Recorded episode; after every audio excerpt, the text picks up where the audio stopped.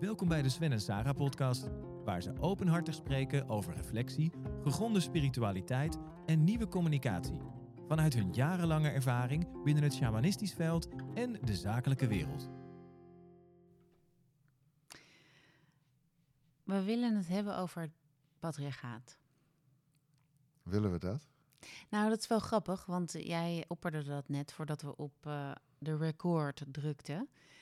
En toen zei jij, daar gaan we het over hebben, kom op. En toen dacht ik ineens, zo, dat is een mannelijke is beslissing. ja, dacht ik Zo, zeker. dan zit je ineens toen- in een onderwerp. Dus ik weet niet of ik dit wel wil, maar ik, eh, oh ik god, we ga wel oude- volgzaam, volgzaam mee in dit onderwerp. we Doe maar zitten dan. in een- We zitten in een eh, millennia oud eh, Ja. thema. En hoe komen we hier nu uit? Ik kan nu gewoon zeggen, nou ik weet je... ga vanuit mijn feminine kracht de nieuwsgierigheid opzoeken. Waarom wil je het hierover hebben? Waarom vind je dit belangrijk? Nou, omdat het volgens mij we er allemaal mee doordrenkt zijn tot op het laatste teennageltje, molecuultje zitten we gewoon in een soort van systeem waar we allemaal ook hartstikke klem in zitten. Wat al millennia oud is. Waar al onze conflicten, waar we zeg maar, nu mee te maken hebben, of het, nou, gaat over politieke stemmingsuitslagen, of het gaat over het conflict in het Midden-Oosten. In de wortel daarvan zit een soort van beeld van mannelijk leiderschap of ja, mannelijke opoffering. Ik had een, eh, nou, naar aanleiding van iemand die in onze groepen zat, een, een- iemand die uit Palestijnse sferen komt, zeg maar. Die dwong me eigenlijk om een onderzoek te doen naar, ja, wat vind je er nou eigenlijk van? Eerlijk gezegd, zo'n conflict is mij te moeilijk. En ik ben me erin gaan verdiepen en ik heb van allerlei eh, invalshoeken gevonden, zeg maar. Maar de belangrijkste invalshoek die ik, die ik gevonden heb, is dat ik me realiseerde: goh, maar het patriarchaat gaat eigenlijk over twee dingen in essentie, wat mij betreft. Het ene is opoffering, zelfopoffering, daar kwam ik hem ook in mezelf tegen. En het, tweede is superioriteit of inferioriteit. Dus, dus kijk naar het Midden-Oosten. Het gaat over mannen en vrouwen die zichzelf opofferen. Maakt niet uit welke kant. En het gaat over een soort van idee van... en als je je opoffert, dan ben je of superieur of inferieur. In ieder geval gaat het niet over niet opofferen en gelijkwaardig zijn. Het gaat echt over, over ja, een soort van statusverschil. En dat gaat eigenlijk, als de geschiedenis doorkijk... gaat het de hele tijd daarover. Over hoe mannen macht uitoefenen. En het gaat echt wel altijd over mannen. Of nou Poetin is, of Netanyahu. Kijk maar gewoon om je heen. Degene die andere mensen, zeg maar, het idee geeft dat ze zich ergens voor moeten opofferen en dat laten geloven, die heeft macht. En dat doen we al heel lang. En ik vind het best wel een belangrijk onderwerp eigenlijk. Maar is het nou zo dat we aan het einde van een tijdperk komen? Niet als we dit, dit principe niet ontmaskeren. Daarom vind ik het een heel belangrijk iets. Dit principe is oeroud. Het zit echt in ons hele programmering. Zelfopoffering is goed. Opofferen voor een, een land, opofferen voor een goed idee, opofferen voor een religie. Dan ben je een goed mens. Opofferen voor je kinderen, dan ben je een goed mens. Dus dat, dat hele opofferen is een heel eh, wezenlijk onderdeel van onze geschiedenis en van onze cultuur wereldwijd. Het is niet gewoon beperkt tot het Westen. Het is overal is het een soort van norm. Offer je maar op. En dan ben je, als je je opoffert, ben je eigenlijk superieur. Want dat is, dan ben je een goed mens. Het is een soort van programma dat zo in our face is dat, dat iedereen het maar voor, nou, voor, voor, zoete koek eh, aanneemt of zo. Terwijl, als ik er naar kijk, denk ik, goh, wat zou er gebeuren als ik gewoon vanaf nu me helemaal weiger op te offeren. En dat ieder ander dat hier in de wereld gewoon ook niet meer doet. Ik offer me niet meer op voor niks. Voor geen idee, voor geen missie, voor geen religie, voor geen land. Niet voor mijn familie, niet voor mijn eh, echtgenoten, niet voor, voor niemand. Maar komt er dan een gezonder tijdperk? Dat vermoed ik wel, ja. Ik vermoed dat, dat, dat, dat, dat als je kijkt naar de, de diepte van wat ik het patriarchale systeem noem, En dan zit in de essentie daarvan, voor mij zit daar echt gewoon de opoffering, want dat is gewoon macht. Als je dat eruit haalt, dan denk ik dat je een heel andere wereld creëert met uh, jezelf en met anderen. Is generatie Z, de nieuwe generatie die nu aankomt, is die daarmee bezig? Om, want dat is wel het verwijt wat zij krijgen. Ze werken niet meer zo hard. Uh, ze doen alleen maar wat, wat fijn is voor hun. Maar we hebben daar ook kritiek op. Maar is dat wat je bedoelt? Ja, dat weet ik eigenlijk niet. Ik, ik, ik, ik heb er ook irritatie op, moet ik eerlijk zeggen. Ik vind het. Uh, maar het heeft niet te maken met. Uh,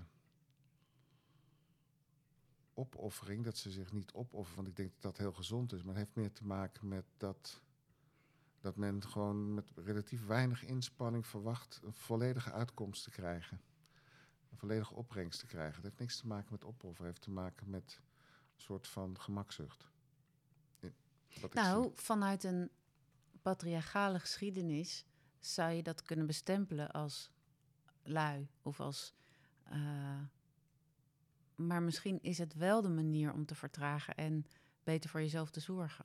Nou, dan, dan is de patriarch en mij die zich ongelooflijk verzet en tot op, de, tot op de, zijn bot toe geïrriteerd is. Ja. dus het zou kunnen. wat, wat ik heel mooi vond in onze laatste ceremonie, was er een setting waarbij er uh, twee moeders waren met hun volwassen zonen. Ja.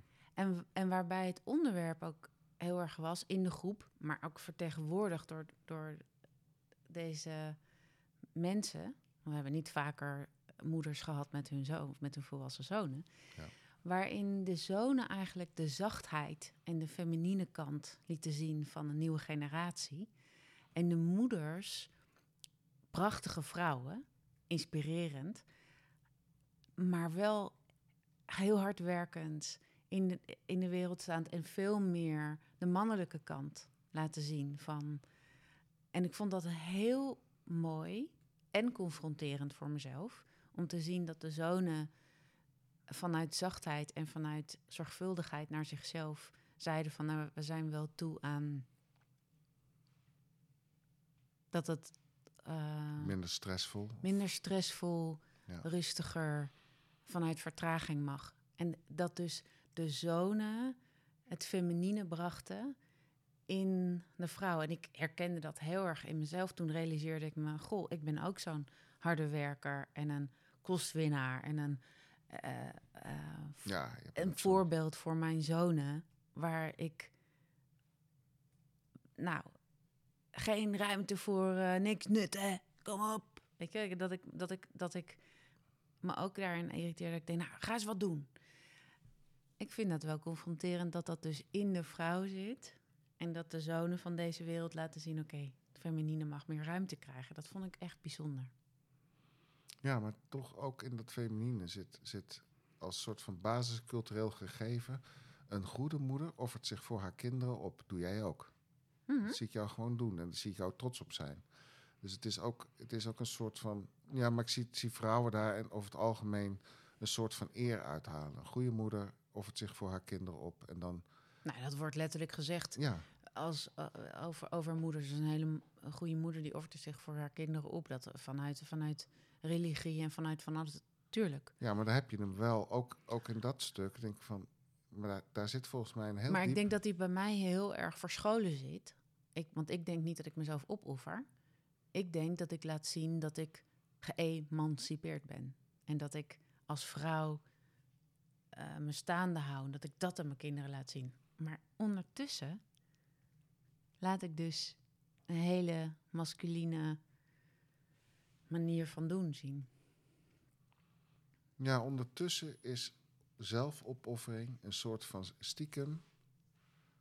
Um, stiekem volgens mij cultureel gegeven waar we allemaal onder lijden. En als ik, ik meen te zien, als ik wat kijk, dat het gewoon een giftig principe is. Wat al heel lang zeg maar zijn, uh, zijn werk doet. En ervoor zorgt dat er nu in de Oekraïne een heleboel honderdduizenden mensen sterven. Een opoffering voor van alles en nog wat. En dat het in het Midden-Oosten ook gebeurt. En dat het op grote schaal zeg maar heel normaal gevonden wordt om je op te offeren voor je werk. Om je op te offeren voor. En dat het een soort van nou, conditionering van ons allemaal is. Van dan, als je ergens een goed, goed- je opoffert, dan ben je een goed mens. In het shamanistische veld durf ik best wel te zeggen. Ik heb me best wel ook opgeofferd. En ik vond Kom, ook, kom je daar nu achter? Of Nee, dat dat, dat, dat, was, ik al, was al duidelijk. Maar ik, ik, ik dacht, ik, ik, door, doordat ik sprak met die Palestijnse eh, dame, moest ik voor mezelf op onderzoek uit van wat, wat, wat, spiegelt, spiegelt het wat spiegelt dat conflict mij nou? En dat, Ja. toen zag ik nou, toen heb ik haar geconfronteerd met het oude verhaal van de Palestijnen en van de Joden is een oervader die Abraham heet en die zijn eigen zoon Isaac, waar de Joden uit voortkomen, eh, zou offeren voor Yahweh. Toen werd hij net op tijd gestopt. En zijn andere zoon Ismaël, waar de Palestijnen en Arabi- Arabieren zeg maar, uit voorgekomen zijn, die ging met Hagar, werd, die stuurde die woestijn in. Ehm, en er werd ook een engel gestuurd om dat te voorkomen. Maar eigenlijk kun je zeggen twee, twee oerverhalen van oervolkeren over een vader die aan de ene kant zegt, nou, jou offer ik op. En aan de andere kant zegt, en jij mag gewoon voor mij de woestijn en ik scheid jou van jouw broers en zussen. Maar dit vind ik interessant, want hier zit nog een verhaal voor. Want dit verhaal gaat over het opofferen vanuit het patriarchale en vanuit de man. En dat die volkeren daaruit voort- voortkomen. Dat zijn vanuit die zonen, vanuit Ja. de man.